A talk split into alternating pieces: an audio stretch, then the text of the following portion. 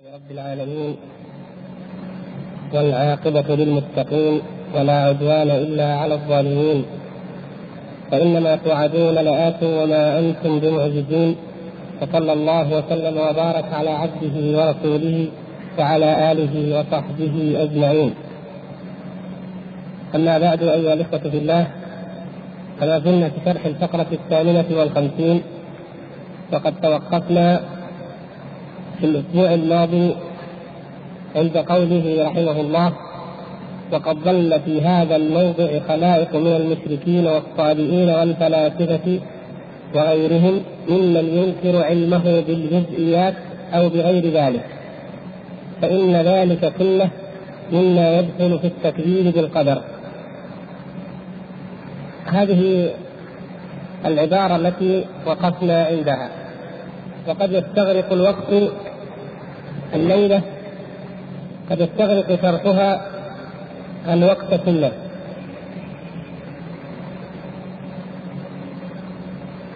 وذلك لأننا كما تعلمون قد أوضحنا أهمية المرتبة الأولى من مراتب القدر وهي الإيمان بالعلم بعلم الله سبحانه وتعالى. ومما قلناه ونعيد قوله إن كل إنسان يؤمن بالله سبحانه وتعالى عارف به عز وجل ولو على سبيل الإجمال من أصحاب الملل جميعا لا بد أن يؤمن بأن الله تبارك وتعالى عليم. أي كل من آمن بأن لهذا الكون إلها خالقا محييا مميتا فلا بد أن يؤمن بأنه عليم. لأن ما في هذا الكون وما في هذا الخلق يدل على إله عليم. وانظروا إلى قوله تعالى ألا يعلم من خلق؟ وهو اللطيف الخبير. ألا يعلم من خلق؟ فلازم كونه خالقا أن يكون عليما. وإلا كيف يخلقه وهو لا يعلمه؟ ولا سيما إذا علمنا أن الله سبحانه وتعالى أو أن معبود أي إنسان أي عابد معبوده يمثل في ذهنه الكمال المطلق. الذين يعبدون أي شيء فهذا المعبود في ذهن هذا العابد يمثل الكمال المطلق لجميع الوجوه أو المنزه عن العيوب. إذ لو كان فيه عيب لما عبده ولرأى أن غيره أولى منه الذي لا عيب فيه فهو يراه الكمال. عين الكمال. ولذلك فكل من أراد أن يصف الله سبحانه وتعالى فمن أكمل الصفات وأوجب صفات الكمال لله سبحانه وتعالى وألزمها أن يؤمن بأن الله تعالى عليم. ومن هنا كان الخلاف في صفة العلم خلافا عظيما جدا فهو ما بين متردد مفرق طريق بين الإيمان وبين الكفر. فقلنا وقلنا إن من أنكر علم الله تعالى من القدرية فهم القدرية الغلاة وهؤلاء كفار واليوم يتعرض رحمه الله إلى الذين أنكروا ذلك من الملل أو من الأمم والطوائف غير هذه الفرقة لأن هذه الفرقة في الحقيقة إنما أخذت دينها عن أولئك فما هي؟ يقول وقد ضل في هذا الموضع يقول وهذا لأن الإيمان بالقدر أول العبارة وهذا لأن الإيمان بالقدر يتضمن الإيمان بعلم الله القديم وما أظهر من علمه الذي لا يحاط به وكتابة مقادير الخلق. أن الإيمان بالقدر يتضمن العلم والكتابة. هذا واضح لديكم. ثم يقول وقد ضل في هذا الموضع أي في الإيمان بعلم الله وكتابته خلائق من المشركين والصابئين والفلاسفة وغيرهم. أمم. وطوائف ضلت في هذا. لكن يجمعهم هذا الشيء المشركون الذين يزعمون أو يدعون أن لآلهتهم أو لمعبوداتهم العلم المطلق. بعض الطوائف تدعي أن معبودها يعلم الغيب أو من تعظمه. سواء نفت ذلك عن الله وجعلته لذلك المعبود كما تفعل بعض أمم الشرك في الأرض قديما وحديثا أو جعلوا له العلم المطلق أو علم الغيب مع إيمانهم بعلم الله تعالى. أي أشركوه مع الله أشركوا بالله في صفة من صفاته. فجعلوا هذه الصفة التي هي من خصائص الألوهية جعلوها أيضا لذلك البشر وهذا لا يخفى عليكم حتى في هذه الأمة. في المنتسبين إلى الإسلام من هذا دينه وديدنه فمنهم من جعل علم الغيب المطلق للنبي صلى الله عليه وسلم كما تعلمون. ومن هؤلاء المثل الواضح الذي تعلمونه جميعا وهو صاحب صاحب البردة. نعم البوصيري فإنه مما قال تذكرون الأبيات في هذا؟ فإن من جودك فإن من جودك الدنيا وضرتها. الدنيا ضرتها هي الآخرة. فإن من جودك الدنيا وضرتها. ومن علومك ومن علومك علم اللوح والقلم. نسأل الله العفو والعافية.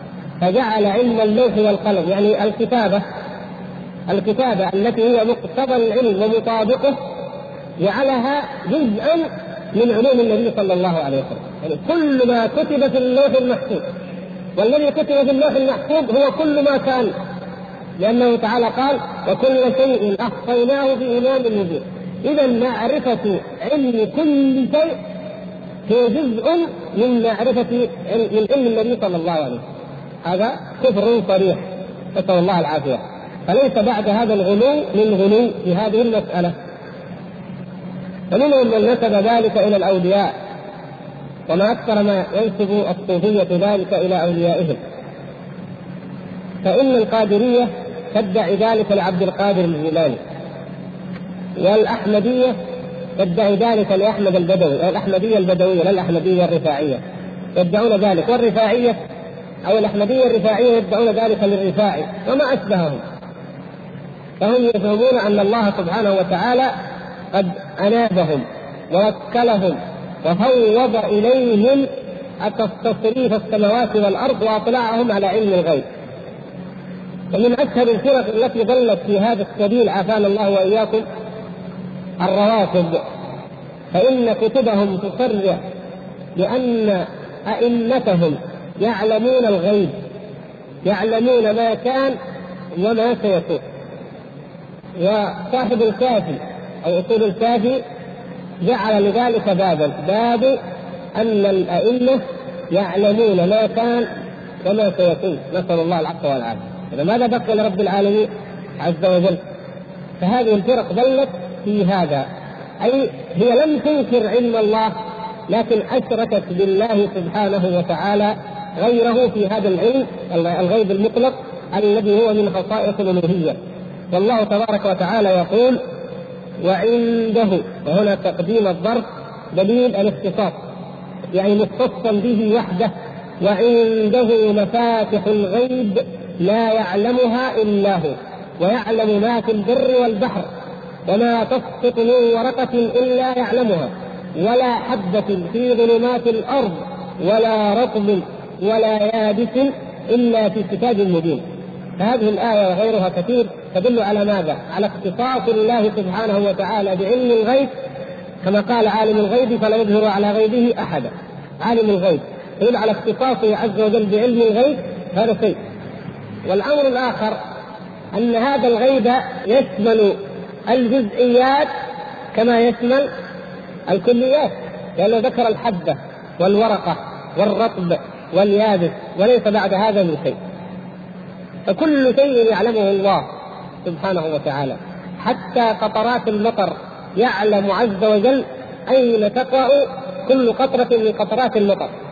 حتى ذرات الرمل خلقها عز وجل ويعلم عن كل ذرة من ذرات الرمل. فهي من اليابس. وحتى قطرات الماء أو بخار الماء مهما دقت وضألت فهي من الرطب يعلمها سبحانه وتعالى. أين هي؟ هل هي في جوف إنسان يتنفس مثلا أو حيوان؟ أو هي في على ورقة أو هي في باطن الأرض أسفل الأرض أو هي في الفضاء في أي مكان لا يخفى على الله سبحانه وتعالى شيء أبدا. فهو مختص بهذا العلم علم بالكليات والجزئيات سيان عنده سبحانه وتعالى. أما هؤلاء ولا سيما الفلاسفة والطالبون فهم ينكرون علمه تعالى بالجزئيات. طيب من هم الصابئون؟ الصابئون هذا العلم علم على أمة ورد ذكرها في القرآن. كما في قوله تبارك وتعالى من يحفظ الآية؟ في أي سورة؟ أيضا نعم. الحج والبقرة. البقرة هي الآية الثانية والستون. إن الذين آمنوا والذين هادوا والنصارى والصابئين من آمن بالله واليوم الآخر وعمل صالحا فلهم أجرهم عند ربهم ولا خوف عليهم ولا هم يحزنون. ذكر الله تبارك وتعالى هنا في هذه الآية هذه الأربعة المؤمنون والذين هادوا. لاحظوا لم يقل اليهود لأن هنا حكمة لأن الذين هادوا هم الذين قالوا إنا هدنا إليك. فهم الآيدين التائبين العائدين إلى الله. لأن هدنا بمعنى هدنا أو نقول عدنا أصل اللغة العربية واللغة العبرية متقاربتان. وهذا هذه الكلمات المشتركة. بين هدنا أي عدنا وتبنا وأبنا ورجعنا إليك. فهؤلاء الراجعون الآيبون إلى الله فقط وليس كل اليهود. وإنما من تاب منهم. من عمل صالحا كما فسرها في آخر الآية. فالذين آمنوا المؤمنون وهم كل من آمن بالرسل لكن يختصون أكثر لمن اتبع محمد صلى الله عليه وسلم. والذين هادوا والنصارى هم الذين اتبعوا عيسى عليه السلام والصابئين.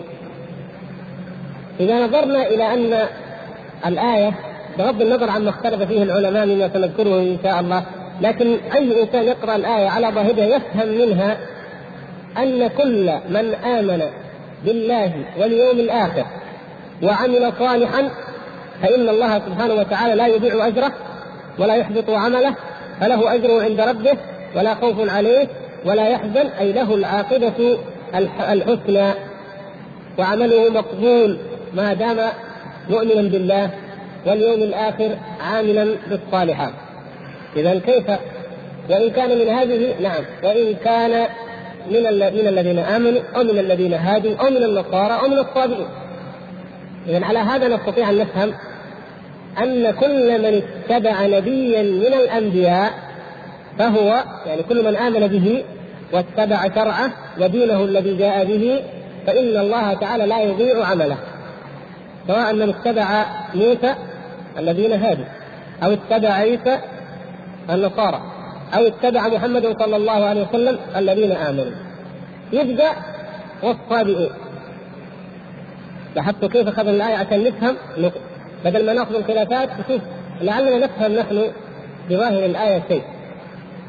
فمن اتبع محمد صلى الله عليه وسلم مؤمنا بالله واليوم الآخر عاملا صالحا فله أجره عند ربه ولا خوف عليه ولا هو يحزن. واحدة ومن اتبع موسى عليه السلام مؤمنا بالله واليوم الآخر وعمل صالحا وفق شريعة موسى عليه السلام أيضا فلا خوف عليه ولا هو يحزن له أجر عند ربه مثل ذلك طيب من اتبع عيسى عليه السلام وعمل بشريعته وما جاء به فكذلك طيب اذا هنا يبقى الصابئين من هم؟ اذا يترجح من هذا يظهر أن الصابئين أيضا أيضا هم من اتبع نبيا من الأنبياء وعبد الله على شريعته ولقيه مؤمنا به غير مشرك عاملا بالأعمال الصالحة عاملا صالحا. اذا يكونون أتباع من الأنبياء؟ أيوه الذي يبدو أنهم أتباع إبراهيم عليه السلام أي من آمن بإبراهيم عليه السلام. السلف رحمهم الله تعالى المفسرون اختلفوا في معنى الصابئين. ولعل مرجع الاختلاف. هو انهم نظروا إلى الصابئين عند مبعث النبي صلى الله عليه وسلم. على من تطلق؟ يعني عند مبعثه نعم. لكن لو نظرنا إلى الصابئين بغض النظر عن هذا إنه في كل نبي اتبعه قوم فإنهم مؤمنون فإنهم مقبول عند الله. يترجح أن الصابئين هم من اتبع الله تعالى على دين إبراهيم عليه السلام. وقد قال بعض السلف إنهم قوم من أهل الكتاب يقرؤون الزبور. كانوا يؤمنون مؤمنين بالزبور. والزبور أنزله الله تعالى على من؟ على داود وآتينا داود زبورا. لكن الراجح أو الذي إذا كان لابد من الترجيح بين كونهم من آمن بالزبور أو من آمن بصحف إبراهيم. فما الذي يترجح؟ الذين آمنوا بصحف إبراهيم عليه السلام. لأن آه، داود عليه السلام هو كان من قوم موسى كان من بني إسرائيل من أتباع شريعة التوراة. طيب.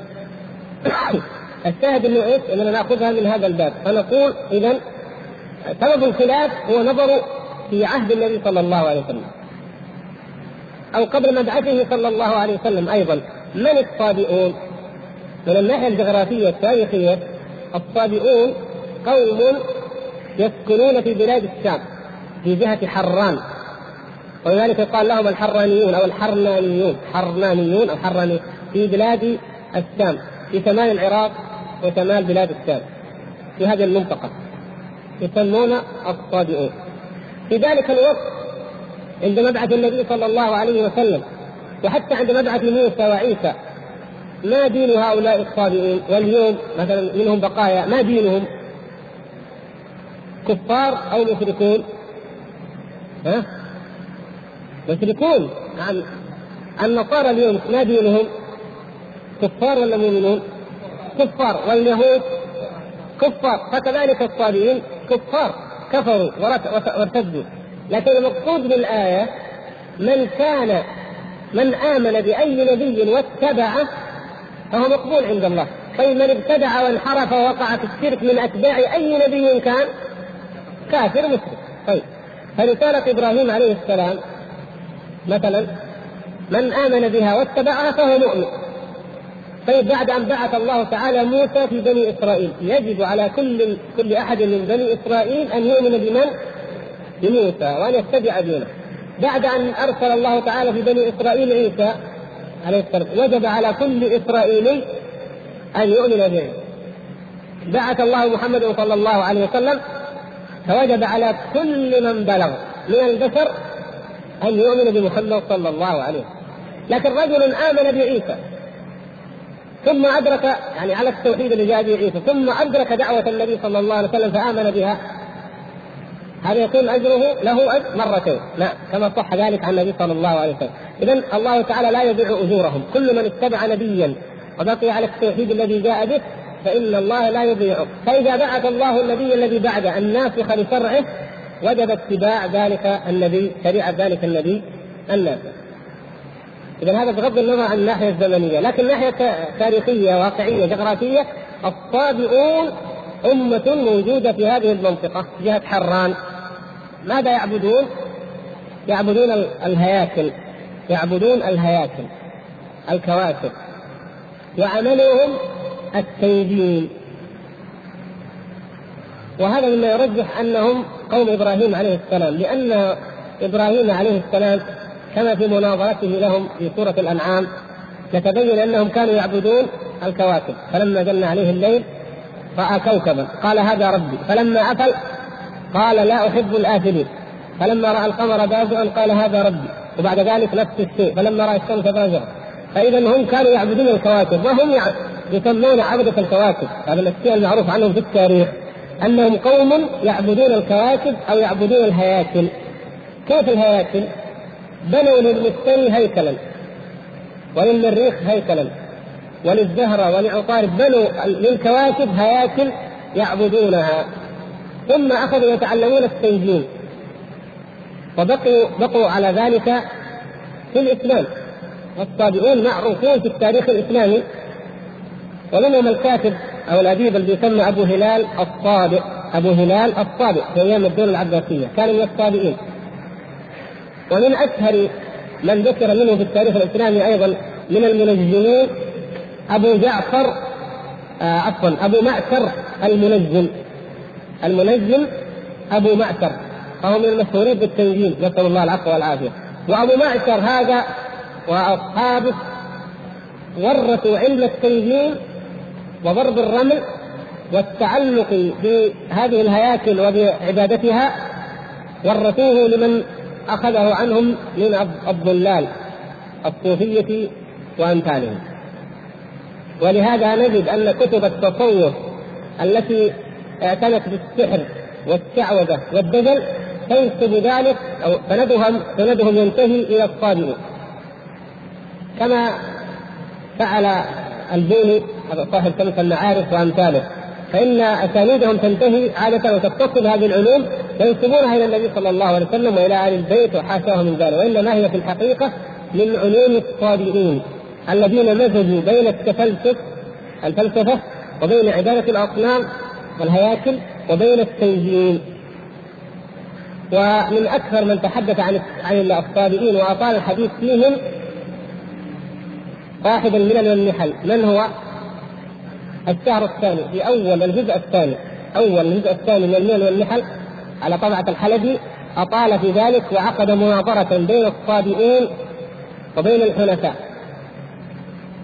وعلى مذهبه الصابئون هم الذين يعبدون الهياكل هم الروحانيون أو الروحانيون يقول يجوز هذا وهذا الروحانيون أو الروحانيون وهم عبدة الهياكل. وهم الذين لا يؤمنون بالأنبياء ولا يؤمنون بالماديات وإنما هم روحانيون يتعلقون بالروحانيات. يعني من أسباب من أسباب كفرهم عياذا بالله وتكذيبهم للأنبياء أن الأنبياء بشر ماديون وهم لا يعترفون إلا بالعوالم الروحانية. ولكن يبنون الهياكل الدنيوية للعوالم الروحانية بزعمهم. ولهذا فإنهم أيضا قد يعبدون الملائكة وقد يطلق عليهم عباد الملائكة.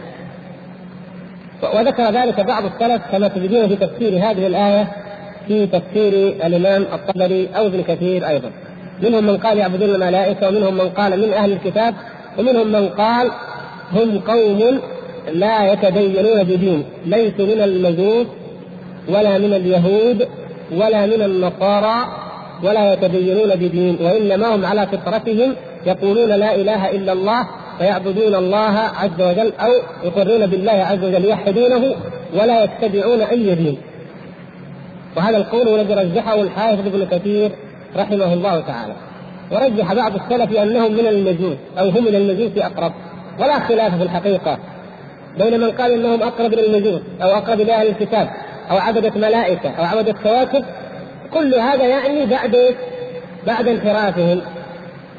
ومن قال إنهم مؤمنون وليسوا يهود ولا نصارى ولا مجوس فيعني على قبل ذلك اي فيكونون على دين إبراهيم عليه السلام مثلا. المعنى الآخر الذي قد نفهم من كلام ابن كثير رحمه الله وغيره هو أن هؤلاء كأنهم أشبه بأهل فترة. ما عرفوا الله؟ ولا عرفوا رسولا ولا عرفوا شريعة لكن يؤمنون من عند أنفسهم بفطرتهم وعقولهم بأن لهذا الكون إلها وأنه إله واحد وأنه وحده المستحق للعبادة لكن ليس لهم دين يتدينون به لاحظتم كيف؟ فهؤلاء يكونون هم الصابئون وحالهم في هذا يختلف عن حال الصابئين الموجودين فعلا الذين كانوا حتى في أيام الشهر الثاني موجودين طبعا كانوا يعبدون الكواكب وكانوا يعملون يشتغلون بالتنجيم واشتهر عنهم نفيهم الصفات وعنهم تلقى نفاة الصفات أو بعض منهم مذهبهم.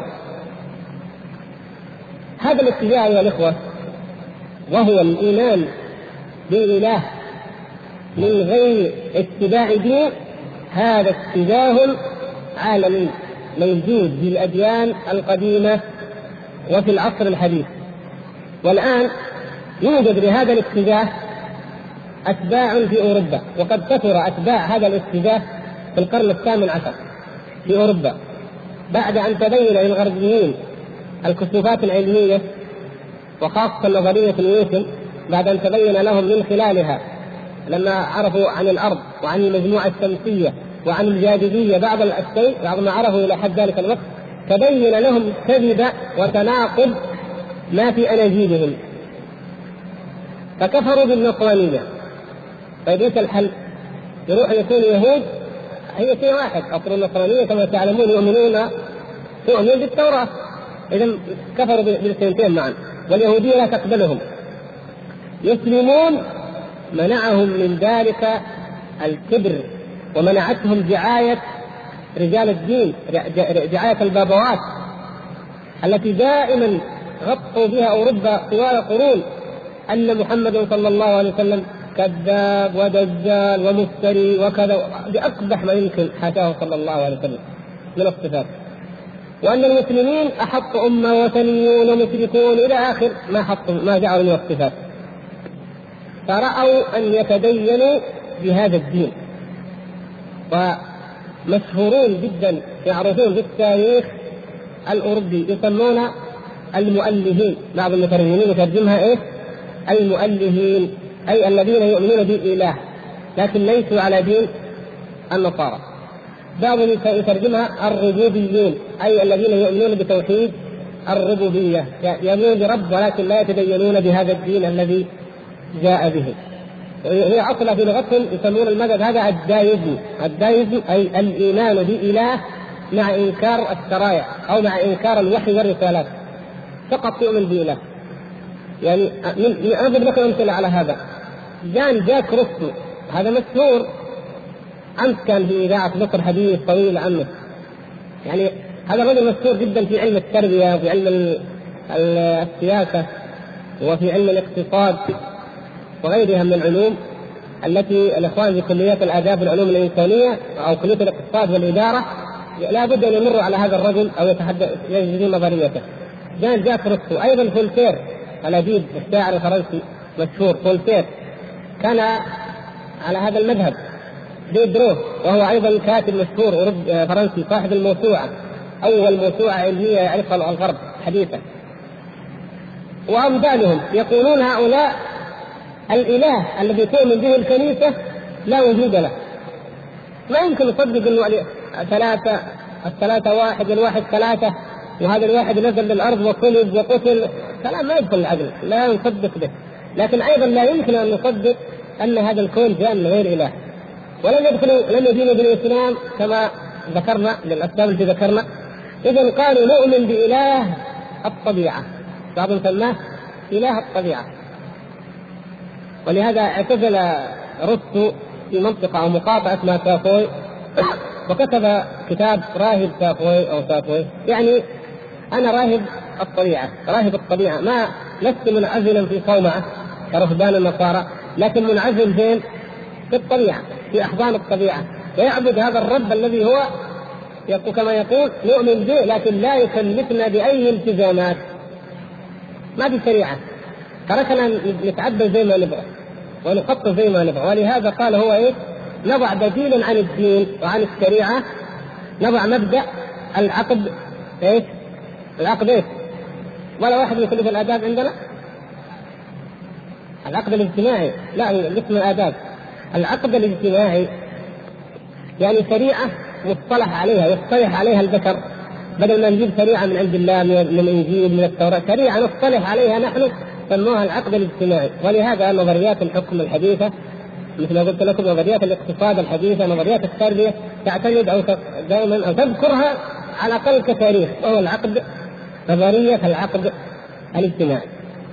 هؤلاء هذا نوع من الذين يمكن نسميهم اذا بالمفهوم هذا الصادئين يعني كيف تركوا ما عليه أقوامهم من الدين ولم يتبعوا أي شرع وقريش لما كانت تسمي محمدا صلى الله عليه وسلم رسول الله النبي الأمي محمد صلى الله عليه وسلم لما كانت تسميه الصادق وكانت تسمي قومه الصباه ماذا كانت تعني بهم؟ تعني بهذا المعنى أي الذين خالفوا الاديان خالفوا ما عليه الناس من دين. إذا نقدر نقول اذا هؤلاء خالفوا أديان الناس وتعبدوا لاله بلا دين بلا شرع معين اذا هؤلاء هم من الصادقين إذا اردت أن استطرد أكثر أقول لكم انه في دين موجود الآن في الهند أصله ناشئ عن هذه الفكرة الصابئة. وهو الاعتراف بإله واحد يعبد دون الالتزام بشرع من الشرائع في أوله ثم ينحرف دائما ينحرف إذا كانت شرائع الانبياء تحرف فكيف بأهواء وآراء وضلالات غير الأنبياء هذا الدين هو دين من؟ من ها؟ دين من؟ طيب لا دين السيخ السيخ الموجودين الآن أو السيخ الذين تسمعون عنهم في الهند كل ليلة تقريبا أخبارهم. هؤلاء إيش أصل دين السيف؟ ما أصله؟ هو هذا.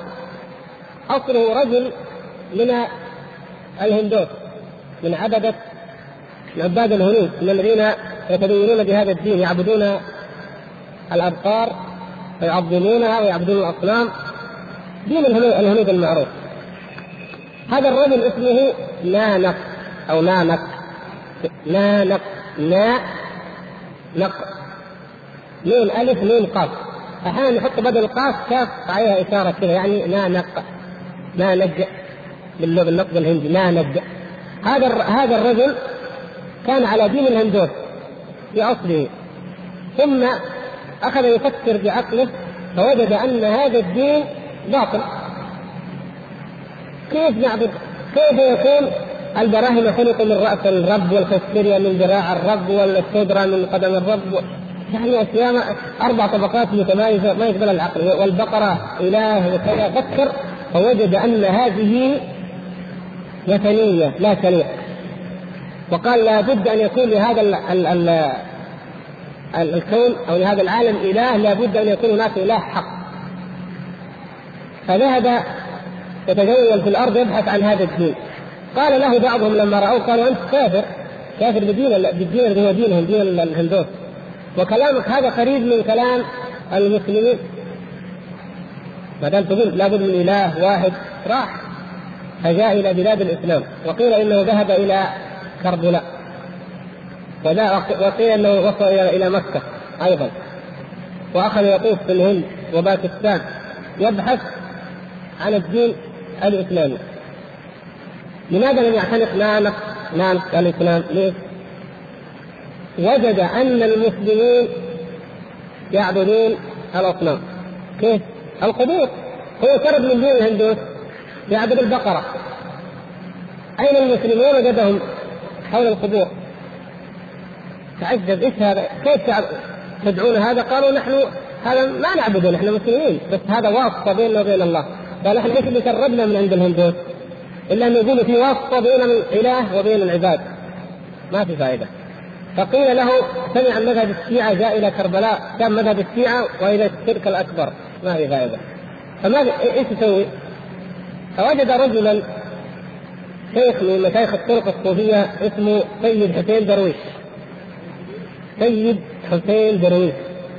قال له سيد حسين درويش يا نانك يا نانك تعال أنا عندي الدين الصحيح. قال إيش هو؟ قال وحدة الوجود. علمه إيش؟ وحدة الوجود. انك تقول بأن هذا الكون هو الله والله هو الكون. تعالى الله عما يقولون علوا كبيرا. فقاعد يفكر إحنا شربنا من عباده ثلاثة وخمسة وعشرة ومية في الهند الآن نعبد كل شيء. برضه ما اهتدى إلى شيء. ففي الأخير يقول أنني أنا عرفت الدين الصحيح. وضع دين. ودعا أتباعه إليه. وهذا الدين وضع هو لهم كتابا وقال هذا الكتاب اتبعوه وهذا الدين. يقوم هذا الدين على أي؟ أول شيء أول قضية من قضاياه أن المعبود إله واحد. ولا شريك له وليس مثل البشر ولا يتمثل بالبشر وليس أصنام ولا بقرة ولا كذا ولا كذا. ثم أخذ يفصل لهم الشرائع وخلط من عنده. بعض ما عند المسلمين بعض ما عند الهندوس بعض ما عند اليهود. ركب تركيبه وضعها في هذا الكتاب. وبقي أصحابه أشبه بالفرقة الصوفية. مثل أي فرقة من فرق الصوفية. لأنه وما في فرق. الذين يؤمنون بوحده الوجود وبهذا الكلام في تقارب بينهم. يعني اللهم إنه ما ما آمن بها كما هي لكن الشاهد كأنها فرقة من الفرق. حتى جعل الانجليز وهؤلاء المجرمين أجرم أمة في التاريخ قبل الأمريكان الانجليز يعني لأنهم في السياسة والتخطيط. فعرفوا كيف يدمرون جميع الشعوب بهذا التفرق. فلما جاء الهند أوجدوا القاديانيه اوجدوا العليقريه جامعة علي قرة أو علي قرة اوجدوها طائفة جديدة التي تتبع السير أو السير أحمد خان. فرقوا بين الهندوس والمسلمين. فرقوا بين طبقات الهندوس. وفرقوا بين المسلمين أيضا بعضهم مع بعض. فوجدوا هذه الفرقة فتبنوها وأيدوها. وكانوا في مناطق جبليه وعره فجاءهم كانوا خلفاء هم خلفاء إلى اليوم. خليفة بعد خليفة بعد خليفة. جاء أحد الخلفاء فقال لهم بلاش يصير الآن نحن تنزع أو كان يعني كان اسمهم معناها الراهب أو العابد. فقال الآن تانجة يعني الأسد إحنا الآن أسود. ليش نجلس دائما مضطهدين مستضعفين؟ نتحول إلى أسود. فحولهم إلى جماعة محاربة وأطلقت الدول إلى اليوم. طبعا كما ترون من أشد الناس عتوا وحربا وجلادا شاهد الكلام عن الشيخ كثير ما يهمنا هذا. يهمنا إيش أصل فكرة نشأة دينهم الصابئون الصابئ هذا الصابئ الذي هو نالك الذي قال أنا أضع دين اخالف كل ما عندي من الأديان وأؤمن بإله واحد ولا اتقيد بأي شريعه من الشرائع. ثم بعد ذلك وضع لهم ما اراد بالشرائع فنقول على هذا الاتجاه بهذا التعريف العام لكلمة صابئ تدخل تحتها كل من كان كذلك. ويدخل تحت ذلك كما اشرنا أصحاب الفترات أو الجزر النائيه أو مناطق بعيدة ممن قد يؤمن بالله أو باله وأنه واحد لكن لا يتعبده بشيء. ثم بعد ذلك يكون منهم الذي على الحق أو الذي على الباطل. فعلى التعريف الأول يعني يكون من كان على ما في صحف إبراهيم عليه السلام متبعا لها فهو مؤمن وعلى الحق. ومن وقع في الشرك كما هو حال الصابئ اليوم ومنذ عصور وقرون طويلة فهو مشرك وإن انتسب وسمى نفسه الصابئ. وأما الفلاسفة طيب آه قولهم قولهم في هذه المسألة كقول الفلاسفة. يعني الصابئون يا إخوان الصابئون هؤلاء الذين كانوا بلاد الشام آه كانوا بحكم تعلمهم للحكمة كما تسمى أو الفلسفة واطلاعهم على كتب التنجيم وكتب السحر وكتب الفلك. اطلعوا على كتب اليونان والرومان وبعضهم من اصول يونانية ورومانية أيضا فاختلطت وامتزجت هذه العلوم لديهم. فأصبح كلامهم فيه كثير من كلام فلاسفة اليونان. مما اتفقت فيه عقيدتهم مع عقيدة الإغريق أو اليونانيين مسألة إنكار علم الله تعالى بالجزئيات وإثبات علمه بالكليات فقط. وعلى هذا الفلاسفة. الفلاسفة إذا أطلقوا فإنه يشمل الإسلاميين وغير الإسلاميين. يعني كلمة الفلاسفة تطلق على اليونانيين جميعا فتطلق على افلاطون وأرسطو وبيثاغورس مثلا وترتليوس وسقراط كل من له قول كثير جدا. ثم تطلق على من اتبعهم ممن ينتسبون إلى الاسلام ويقال لهم الفلاسفة الإسلامية وهم مذاهب وأنواع من هو أشهر الفلاسفة الإسلاميين أو المنتسبين للإسلام؟ أيوه الرئيس يسموه الرئيس أبو علي ابن سينا ابن سينا ومين كمان؟ ها؟ الفارابي مين كمان؟ الكندي أحسنت ومين كمان؟ يعني هذاك اقرب هذاك ابن الفارض من من الصوفيه المتفلسفين. لكن الذين فلسفة محضة هم هؤلاء والرازي. الرازي إيش؟ ها؟ الطبيب أيوه. مو مو بالرازي فخر الدين الله يستعان الرازي الطبيب توفي في الأول القرن الرابع 311 نعم. لا ابن الهيثم هذا عالم بقريات وما ما يقدر ما هو فيلسوف يعني له آراء لكنه أي الفلاسفة الذين هم جميعا على هذا المذهب. لاحظوا أن كل هؤلاء الفلاسفة هؤلاء كفرتهم جميع طوائف الأمة. يعني الطوائف الإسلامية المعتزلة يكفرونهم الأشعرية يكفرونهم أهل السنة والجماعة أهل الحديث بطبيعة الحال يكفرونهم. أبو حامد الغزالي رحمه الله تصدى لهم بالرد في كتابه إيه؟ تهافت الفلاسفه الذي رد عليه فيلسوف الفيلسوف الذي يسمى أرسطو آه الثاني المعلم الثاني ابن رشد في كتاب تهافت التهافت لكن أكبر وأعظم أشهر من رد عليهم في الحقيقة هو شيخ الإسلام ابن تيمية رحمه الله. في كتبه الكثيرة منها درء تعارض العقل والنقل ومنها الرد على المنطقيين وما اشبهها فهو يكاد يذكرهم في كل كتبه ويدمر كل اصولهم وكذلك في أول منهاج السنة في أول منهاج السنة ما هي الأمور التي اتفق المسلمون على تكفيرهم بها؟ اتفقت الطوائف الإسلامية جميعا والفرق الإسلامية على تكفير الفلاسفة بسبب أمور أو عقائد منها إيش؟ اولا لا ما انكر وجود الله في الحقيقة هذه منها لكن قبلها طبعا حتى قولهم بقدم العالم القول الأول الذي كفروهم به قولهم بأن العالم يعني قديم يعني إيش؟ لا أول له أزلي لا أول لوجوده يعني معناه الله ما خلق هذا العالم كما نتصور نحن. هم يقولون الله موجود لكن العالم هذا أيضا موجود وجودا ازليا. كيف خلقه؟ فاض عنه فيضا أو صدر عنه صدور العلة من المعلول كلام فاضي ما ما لكم دخل فيه الآن بس يهمكم إنكم تعرفوا السبب الأول العقيده الأولى عقيدة قول بأن العالم قديم والعقيدة الثانية قولهم ماذا؟ بأن المعاد أو البعث روحاني لا جسدي يعني هو حقيقة ليس المعاد فقط هم أول أول جميع الصفات وأول كذلك معها أمور المعاد. فالجنة والنار كل هذا مؤول. ولهذا يسمون أصحاب أحيانا أو منهم أصحاب التخيل أن الأنبياء الأنبياء يعني آه، خيلوا على الناس أو ضربوا أمثال لأشياء لكنها غير صحيحة. عياذا بالله من هذا الكفر والضلال. فكفرت فكفرتهم جميع الطوائف بسبب هذا القول. أنهم يؤولون حتى آيات الجنة والنار ويؤولون الصلاة والصيام طبيعه الحال. فهم أشد كفرا من الباطنية وأشد كفرا من الجهمية. يعني هم الباطنية في الحقيقة إنما أخذوا منهم. يعني إيش أشهر كتب الباطنية؟ الإسماعيلية إيش أشهر كتبهم؟ رسائل الله يفتح رسائل إخوان الصفا. لو تجد رسائل إخوان الصفا تجدها كلام فلسفي كلام فلسفي بل حتى الذي ظل من المتكلمين كالمعتزلة أو من الأشاعرة كالفخر الرازي تجد كلامه كلام متفلسفين أقرب إلى التفلسف. فاذا الفلاسفة اصل من اصول الضلال الذي قلدهم في ذلك طوائف من المسلمين. فكفروا لهذا السبب. ومما كفروا به أيضا واجمع المسلمين على تكفيرهم بسببه إنكارهم أن الله تعالى يعلم الجزئيات.